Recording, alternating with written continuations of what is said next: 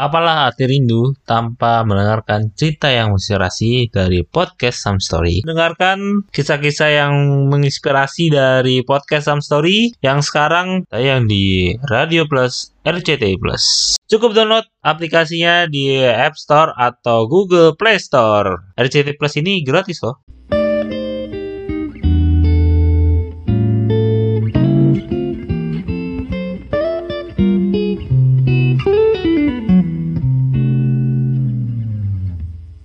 Mereka bilang bahwa religious freedom Indonesia itu berada di tingkat yang sebenarnya masih aman, tapi trennya memang agak mengkhawatirkan Iya. akhir-akhir ini.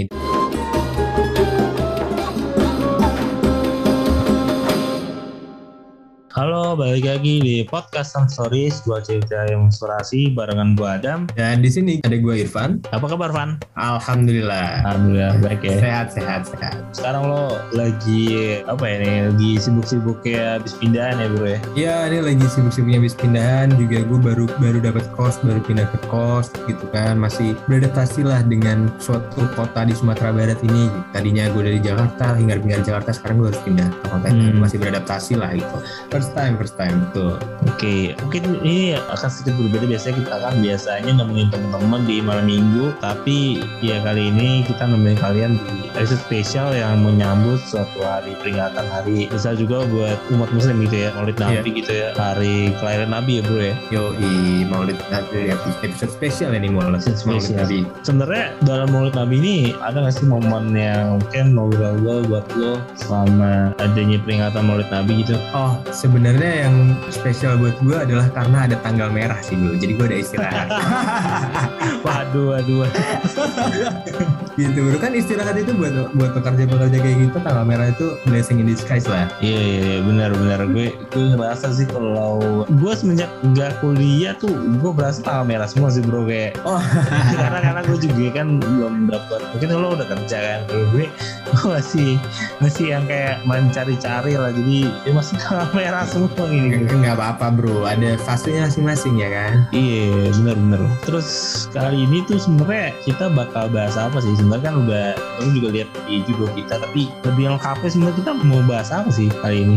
Jadi kalau kali ini tuh karena ini episode spesial ya kan. Jadi ada beberapa hal yang berbeda nih. Apa tuh? Nah, topik spesialnya adalah karena kita menyambut Maulid Nabi, tentunya kita menyambut topik yang juga berkaitan dengan agama. Dan ya, hal itu adalah kita mau bahas perspektif anak muda seperti kita terhadap kondisi toleransi beragama di Indonesia. Karena tujuan kita adalah membahas perspektif, makanya yang berbeda di episode ini juga kita tidak undang gestar, ini cuma kita berdua aja sebagai mungkin mewakili kalau boleh kalau layak ya kan disebut mewakili sebagian kecil deh anak muda siapa tahu dari omongan kita ada yang kalian ada kalian-kalian juga yang bisa relate gitu. Nah ini yang kita rasakan. Cuman memang disclaimer tentu saja kita bukan orang yang cukup kompeten ya kan dan bu untuk Iya. bahas agama untuk bisa ngasih tahu kalian ini pure hanya perspektif personal dari masing-masing kita Iya. aja gitu oke Betul banget. Dan walaupun sebenarnya ya ya mudah-mudahan dengan basic mungkin gue sama lo kan juga dulu sekolah ya, sekolah Islam gitu. Gue belum bukan orang yang kompeten tapi mudah-mudahan dari by experience atau by perspektif kita juga bisa ya seenggaknya mewakili anak-anak muda gitu ya. salah cuman kan tapi itu kalau itu lu doang lah ya kalau gue mungkin tidak bisa se- serelate itu Iya lo cuma 6 tahun gue. iya iya iya iya gue cuman gue cuman dari sekolah gue itu cuman main bolanya doang Oh, turnamen iya. doang Iya bro, mungkin kalau lu kan bisa relate ya sekolah di sekolah Islam Cuman kalau gue yang gue inget tuh cuman Ya turnamen futsalnya aja lah bro, kita happy-happy main futsal Iya benar benar. Nah. ya wala- walaupun nggak juara tapi ya happy sih dulu tuh main main futsal gitu ya. Iya, nggak, nggak juara gara-gara siapa? Gara-gara lu salah oper kan?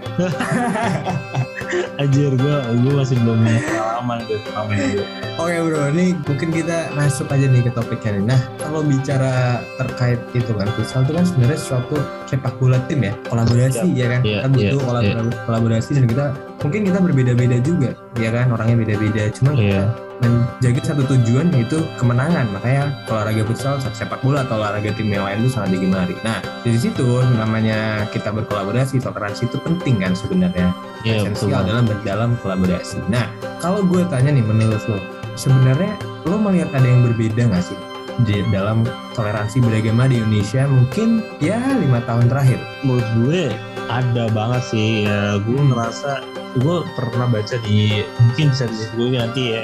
Gue pernah lihat di Badan Statistik Indonesia mungkin ya menjelaskan bahwa tingkat-tingkat toleransi di Indonesia dan eh, agama mayoritas kan Islam ya dan hmm. tapi secara mayoritas eh, tidak uh, misalnya di data itu yang gue gue baca tuh Islam paling bawah gitu eh, toleransinya gitu Hmm. sedangkan Ya, ya. ya itu menurut gua apa ya hal yang aneh justru hal agama yang gak mayoritas uh, lebih tinggi tingkat toleransinya gitu itu, itu yang pertama mungkin yang gue pernah baca dalam beberapa tahun terakhir gitu. terus yang kedua Hmm. Indonesia jauh lebih sensitif soal agama apa pun bentuk apa sih kayak ada satu sentimen dan ketakutan kalau orang bawa agama gitu bro. Iya. Uh, gue ngerti ketika maksudnya kayak politik ini termasuk kayak, kayak sekarang apa wakil presiden kita contohnya ya dari ulama kan gue Hmm. kayak akhirnya dalam mungkin ada cebong kampret juga akhirnya juga ada Iya. sempat juga bawa sentimen agama gitu itu yang gue gue nggak paham juga sih ada dinamika apa ya gue pun jadi sebenarnya takut untuk Hmm. ngomongin soal agama karena ya itu banyak banget sensitifnya gitu bisa sekarang ada UIT ada, ada segala macam gitu yang buat gue takut gitu. Dan yang ketiga mungkin luar negeri yang media yang membawa mungkin Islamophobia gitu ya. Iya karena kan ya kita lihat ada beberapa organisasi di luar negeri juga yang kayak ISIS, Taliban, mungkin uh, beberapa yang orang tuh menjadi takut gitu untuk terutama maksudnya yang lebih sensitif kan Islam yang yang gue gue ngerasa ya uh, dibandingkan mungkin agama-agama lain gitu ya Iya. itu sih bro yang gue gue lihat tahun terakhir gitu kalau lo gimana Ya, jadi memang kalau ini gue mungkin gue berbicara dari sisi personal gue dan gue juga berbicara dari data ya. Jadi memang Iya. kalau dari data itu gue melihat dari BPIP Badan Pengarah Ideologi Pancasila kita kan punya namanya Iya. BPIP bahwa kas BPIP ini mencetuskan suatu hasil artikel melakukan sebuah pernyataan bahwa kasus intoleransi di Indonesia memang selalu meningkat dan BPIP ini sendiri yang menarik juga baru hadirkan di tahun di pemerintahan Pak Jokowi sing, seingat eh, seingat gue ya ini korek nih Bang Bro. iya. Nah itu makanya mungkin ada keterkaitan di situ. Itu dari data jadi gue melansir dari data yang dimiliki oleh pemerintah. Nah selain itu juga memang Jakarta Post ini dan beberapa media-media asing juga melihat bahwa interreligious freedom di Indonesia nih sebenarnya memang mereka bilang bahwa religious freedom di Indonesia tuh berada di tingkat yang sebenarnya masih aman tapi trennya memang agak mengkhawatirkan Iya. akhir-akhir ini dan ya sesuai akhirnya kan data-data yang baca ini sesuai dengan yang apa yang gue lihat di lapangan gitu maksudnya mungkin ya kalau gue boleh ngomong mungkin ya sorry kalau ada yang tersinggung sini cuman dalam artian parahnya itu adalah ketika agama itu dibawa ke politik sih itu menurut gue Iya. itu benar-benar sebuah apa ya dosa besar yang sebenarnya kita nggak boleh lakukan gitu. karena dari situlah muncul ya apa yang lu bilang tadi kayak ada Islamophobia ada yang benar-benar dikotak-kotakan gitu padahal sebelum itu menurut gue ya udah adem aja lo lu beribadah sesuai agama lo gue beribadah sesuai agama gue kita punya ras masing-masing it's okay gitu cuman setelah di situ bener-bener di, kita di itu dikotak-kotakan banget. Dan gue bilang bahwa apa pun agama kalian itu tuh tidak menguntungkan kalian kok itu kita kita semua satu Indonesia ini menjadi korban dari orang-orang yang ingin memanfaatkan perbedaan itu karena mereka ingin mendapatkan apalah mungkin kekuasaan atau apa gitu. Jadi sebenarnya gue kasihan dulu ya sebenarnya Indonesia ini gitu. Karena yang gue lihat juga kalau kita lihat di media sosial juga Iya. masih ada apa namanya SKB 3 menteri untuk pembangunan gereja itu kan yang dikritik kan sebenarnya itu menyulitkan untuk pembangunan gereja sementara kalau lu ya pembangunan mas- masjid kapan sih lu pernah ada bangun masjid dan lu ditolak gitu itu udah Iya, itu itu lu itu udah Iya. say, say something sih menurut gue Iya. itu itu yang yang menurut gue cukup jadi perhatian dan juga kasus-kasus kayak misalkan di Sulawesi kan pernah ada pembakaran gereja Iya. di lalu juga apa namanya ustadz itu ada yang ditusuk ketika lagi ceramah lah yang kayak gitu Iya, iya, yang iya. yang benar-benar eh, kayaknya memang ada orang-orang yang ingin pengen aja gitu kan bukan pengen aja mengangkat gini dan ya gue sih menurut gue juga cukup mengkhawatirkan bro kalau kondisi toleransi Indonesia Iya. terutama tahun belakangan lah Iya. Ya bahkan yang mungkin tadi yang bilang di terus kayak waktu itu almarhum almarhum Syekh Ali Jabir pun ya seorang Syekh gitu ya. Wah gue kaget Iya. terus beritanya Hmm. ditusuk. Gue orang sebaik dia men. Gue ngerasa gue melatih ikuti banyak ceramah. Iya, iya, gitu. iya. Kayak sam- ya masih ada juga yang bisa nusuk gitu juga dan ya kita mungkin nggak bisa menolak lupa ya bapak-bapak bangsa kita mendirikan negara ini nggak toleransi Iya. lo yang lo inget mungkin oke Soekarno tanggal 1 Juni pidato dalam Iya. negara ya kan Terus negara. mungkin nanti terus waktu itu kalau kita bisa secara secara juga dikelola lagi kata-katanya sama panitia sembilan waktu itu terus Hmm. eh, dan dan lo, lo, lo inget kalau misalnya baca sejarah kata-katanya bukan ketuaan yang maha esa ya sebelum itu ada kita terus apa ya Iya, syariat betul. Islam lah istilahnya intinya tuh kata-kata itu kan dan Iya, um, iya, iya. Karena waktu itu apa ya eh, beberapa tokoh di panitia sembilan itu memikirkan eh, ada teman-teman kita yang berbeda agama gitu ya. Akhirnya mereka menurunkan semua ego dan mengganti ketuhanan dan maha esa. Jadi buat gua itu suatu contoh yang diberikan bapak bangsa untuk apa ya ke depan untuk masa depannya anak-anak bangsanya. Supaya kita tuh berdiri eh, bangsa ini berdiri itu dengan toleransi ya ya itulah itulah yang memang bener yang kata lo gitu bahwa awalnya kan ketuhanan yang mengedepankan uh, syariat-syariat Islam ya kan Iya. istilah pertama tapi kemudian juga Iya. jadi ketuhanan yang Maha Esa. Nah itu juga menurut gua sebuah langkah yang apa ya tidak yang sangat tidak populis ya artinya ya kalau lu pakai yang sila pertama yang sebelumnya itu tentu lu akan didukung oleh banyak orang gitu kan pasti. Sekarang lu ini aja lah pakai atribut-atribut yang kayak gitu lu akan didukung orang pasti. Lu mencalonkan sesuatu gitu kan lu akan dilihat lebih, iya. lebih suci lebih apa dan segala macam. Tapi itu menurut Iya. gue sebuah langkah yang bijak sebuah langkah yang berani untuk mempertahankan kesatuan bernama Indonesia. Kenapa gue bisa bilang kayak gitu? Karena gini bro coba lo lihat negara mana selain Indonesia yang agama itu benar-benar banyak sukunya juga benar-benar banyak. Lo negara seluas Amerika pun itu sukunya tuh hanya sedikit loh. Mereka tuh hanya white ya kan white Indian. ya white Caucasian habis itu Iya. Indian kan udah udah Udah nggak ada ada. tuh udah nggak ada ya kan. Mereka hanya Caucasian Afro American itu yang black and then paling ya sebagian imigran-imigran yang orang-orang Asia gitu kan. Nah tapi Iya. mereka itu imigran sebenarnya bukan apa namanya orang asli.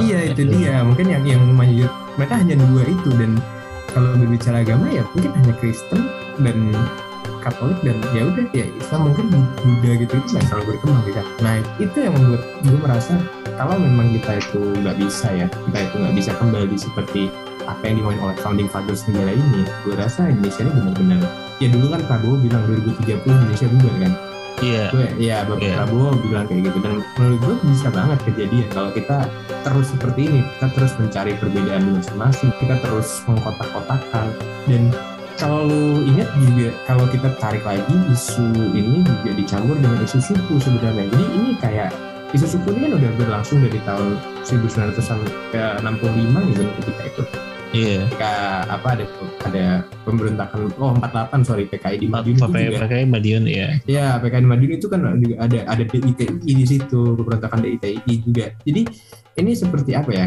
Api dalam sekam lah sebenarnya yang yang sebenarnya ini udah isu-isu ras dan apa agama ini bukan sesuatu yang untuk dipermainkan, tapi again ada orang-orang yang tidak bertanggung jawab yang kemudian ingin mem- memanfaatkan itu gitu sih. Itu, itu yang Iya. sangat gue sayangkan sih sebenarnya.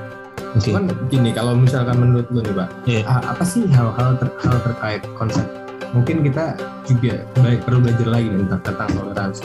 Apa sih hal ter- hal ter- terkait toleransi yang menurut lu tuh lu masih ragu gitu, Pak? yang masih ragu ya yang based on experience gue mungkin gini ya bro setiap kali gue kan di podcast ini mungkin beberapa kali gitu ya harus ada poster yang ngucapin selamat untuk agama lain gue kan Hmm. muslim dan gue harus ngucapin selamat misalkan selamat Natal mungkin atau eh, selamat hari Waisak mungkin mungkin ya Iya, untuk agama lain gitu gue dan gue tuh sempat ragu itu. Hmm, dan sempat gue sadar sama, sama tim gue ini kan bukan podcast untuk yang khusus mungkin agama muslim doang dan mungkin gue juga harus membawa untuk yang ke toleransinya itu ya. Gue hmm, minta tim gue untuk bisa bikin posternya untuk ya kita menghormati sama-sama. Mereka punya hak yang sama untuk merayakan eh, hari-hari mereka gitu sobat kan gue dan lo mungkin yang muslim lain lebaran atau idul adha gitu. Gitu sih. Iya, iya, iya. Iya. Terus yang kedua mungkin yang di tim podcast sini kan ada ada juga yang kita kan sebenarnya lumayan banyak ya suatu komunitas yang lumayan gede juga. Itu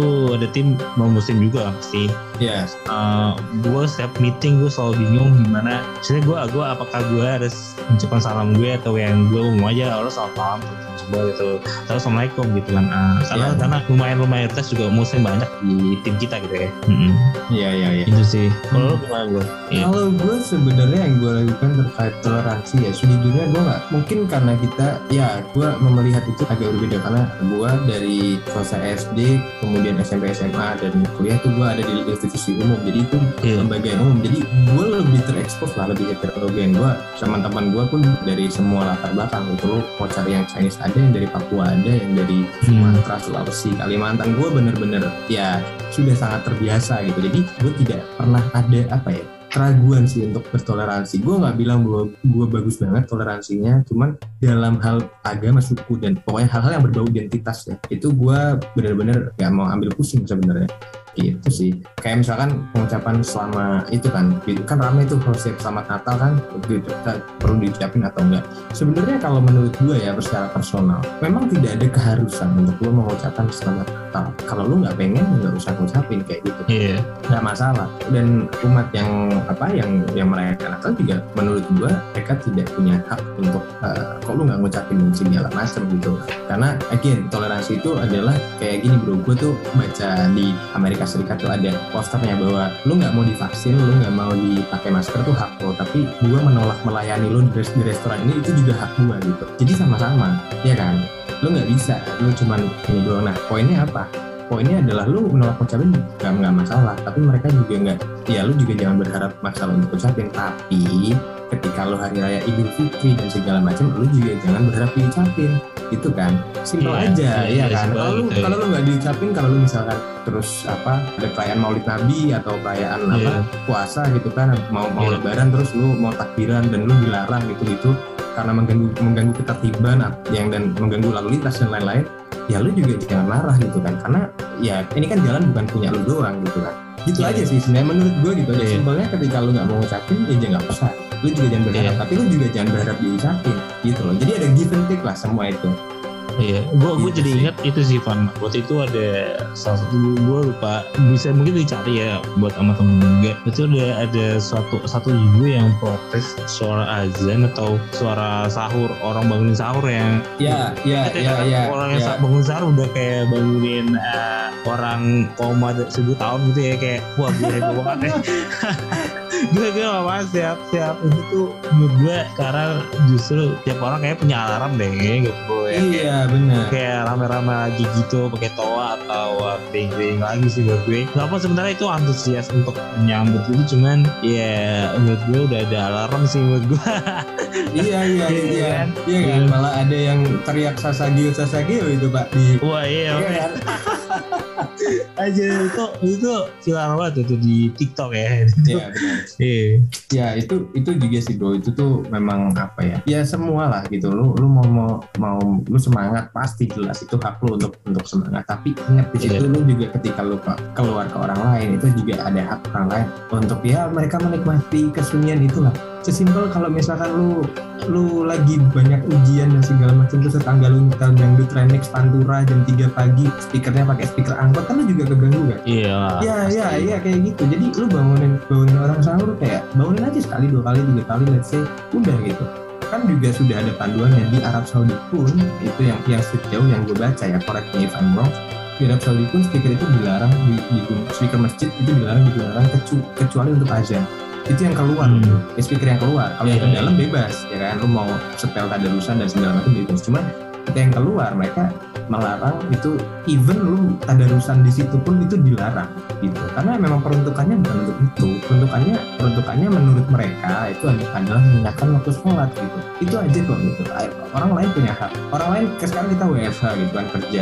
Banyak Iya. kok yang yang ter, sorry say, terganggu dengan sekolah-sekolah seperti itu. Ya karena lu jadi nggak bisa meeting sama sekali gitu kan kan hidup lu juga harus kerja dong. Lu kalau nggak kerja cari duit dari mana? Ya kan? Yang kayak gitu-gitu aja lah. Jadi gue rasa memang emang kita tuh harus kalau dalam toleransi ini kita harus paham kalau menurut gue hak kita apa kewajiban kita apa orang lain. Itu harus ingat ya lo nggak sendiri dan Iya. janganlah janganlah semua isu itu terus kayak oh dia tuh nggak suka gini karena dia agamanya beda karena dia sukunya beda. Enggak kok kita latihlah gitu otak kita untuk berpikir logis sedikit gitu. Apa sih Iya. di balik itu gitu, katakanlah lo nggak boleh takbiran di jalan apa sih ya karena itu bahaya kok lo di kota besar kayak Jakarta lo naik naik ke atas truk kan bahaya Bang. udah baru banyak orang mati karena kayak Iya benar yang iya viral itu gitu yang yang anak kecil anak gitu. kecil nyet- nyetopin truk ah. iya itu kan konten bahaya. bro itu kadang Iya. kadang gue mikir kayak menurut itu ada aja gitu yang kayak kelakuannya yang aneh-aneh gitu paham sih gue Eh, makin ke sini gitu ya Nah kayak gitulah, itulah bentuk-bentuk antusiasme cuman yang Iya. yang berlebihan kayak gitu. Tapi balik kembali lagi karena ya mungkin kita sekarang sama sebagai muslim ya kita berbicara yang kita paham aja ya. iya betul. Ya sebagai muslim ya salah satu lembaga terbesar di lembaga ormas muslim di Indonesia yaitu Nahdlatul Ulama pun itu menyarankan bahwa kita tuh ya even even itu kita menurut kita itu benar gitu iya janganlah kita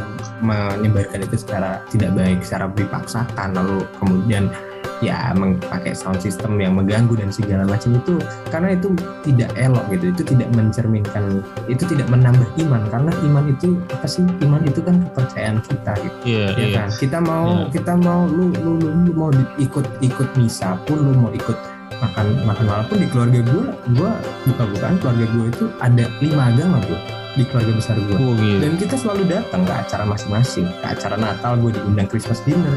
Gue ada kejawen ada acara gue ada si ada kan yang kejawen. Oh, di keluarga gue masih masih memelihara itu. Ya nggak masalah gitu. Kita saling datang aja saling kumpul. Kenapa sih kita happy happy bareng ya? Karena bukan karena kita mau oh kita mau ini Natalnya atau kita mau ritual jauhnya enggak kok. Happy itu karena kita tuh kumpul bareng-bareng.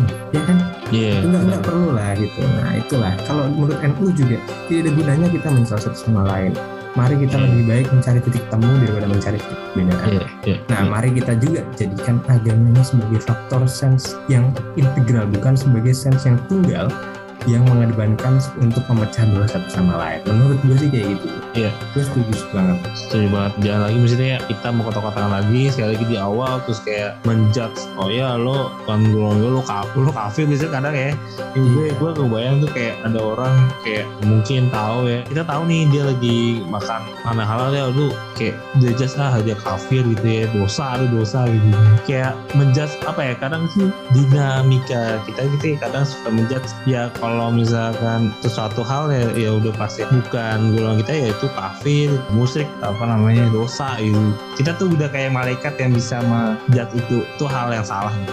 Iya, iya, gue menurut dapat itu gue setuju gue setuju banget Iya. Iya. Oke, jadi ya nggak kerasa ya udah setengah jam juga ngobrol di sini. Jadi poinnya itu kita nggak perlu lah berpecah belah satu sama lain. Kita kembali saja kepada sesuatu yang mempersatukan ya kan. Nggak usah Iya. aja susah lain. Nah itulah dari kita dari di sini ada podcast Some Story. dan kalau uh, ada teman-teman yang mungkin punya ide dan ingin bekerjasama dengan kita di next content uh, Benar. bisa hit on Instagram at podcast underscore story dan juga bisa email kita bisa email di podcastsomestory@gmail.com and thank you buat teman-teman yang sudah mendengarkan podcast spesial Maulid Nabi ini and see you on the next episode dadah Ciao semuanya.